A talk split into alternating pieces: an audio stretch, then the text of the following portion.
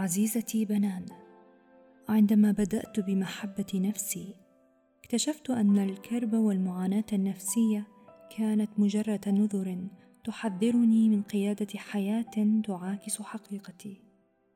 اليوم أدرك ماهيتها هي تدعى الأصالة.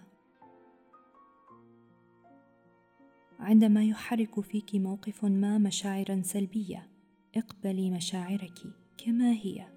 ثم اسمحي لها بالظهور بشكل يشبهها ثم افهمي ما تنذرك منه ثم لا تستسلمي وافعلي الأمر من جديد.